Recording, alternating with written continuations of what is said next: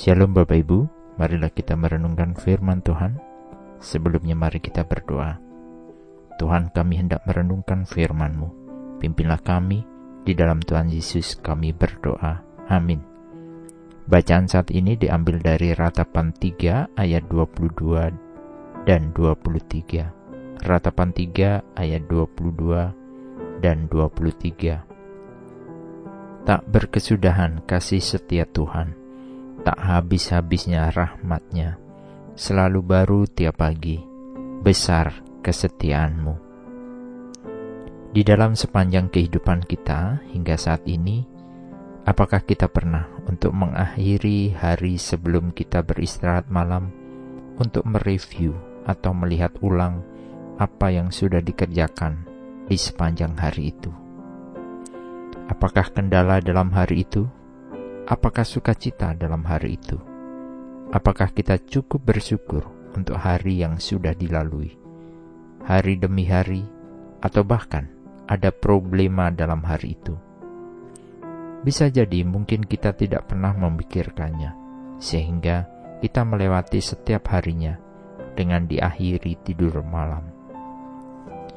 Perlu bagi kita untuk mencoba memberi waktu sebelum kita mengakhiri hari dengan mengingat karya Tuhan dalam kehidupan kita sepanjang satu hari yang sudah lalui.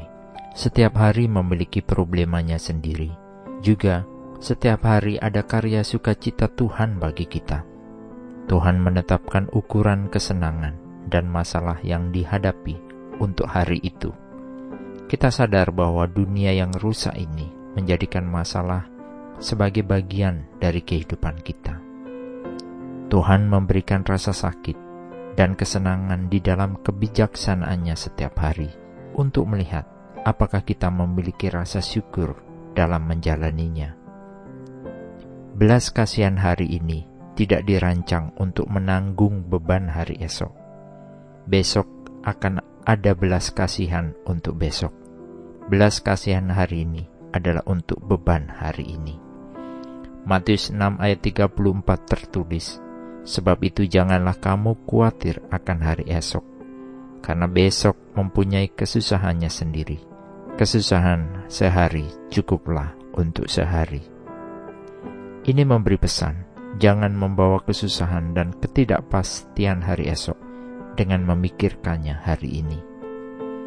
Tuhan kita adalah Tuhan yang berdaulat, yang murah hati dan bijak melebihi segala ukuran. Tuhan memberi segalanya cukup karena Tuhan yang menentukan batasnya. Kita perlu mengenali kasih setia Tuhan yang tidak pernah berhenti. Oleh karenanya, kita membutuhkan waktu untuk Tuhan berbicara kepada kita melalui merenungkan firman-Nya setiap hari. Dari sanalah kita akan tahu bagaimana kita mensyukuri penyertaan Tuhan dan menyerahkan semua pergumulan kita kepadanya, sehingga Ketika kita besok hari kembali terjaga dan beraktivitas, kita membawa kasih Tuhan yang baru, yang menguatkan kita dalam menjalani hari baru. Amin. Mari kita berdoa. Bapa Surgawi, kami memuji dan berterima kasih bahwa Tuhan sungguh murah hati, penuh kasih dan panjang sabar, memperhatikan semua yang kami alami, Tolonglah kami menjalani hari ini juga menatap hari depan dengan mengandalkan Tuhan senantiasa. Kasih-Mu baru setiap hari. Terima kasih Tuhan.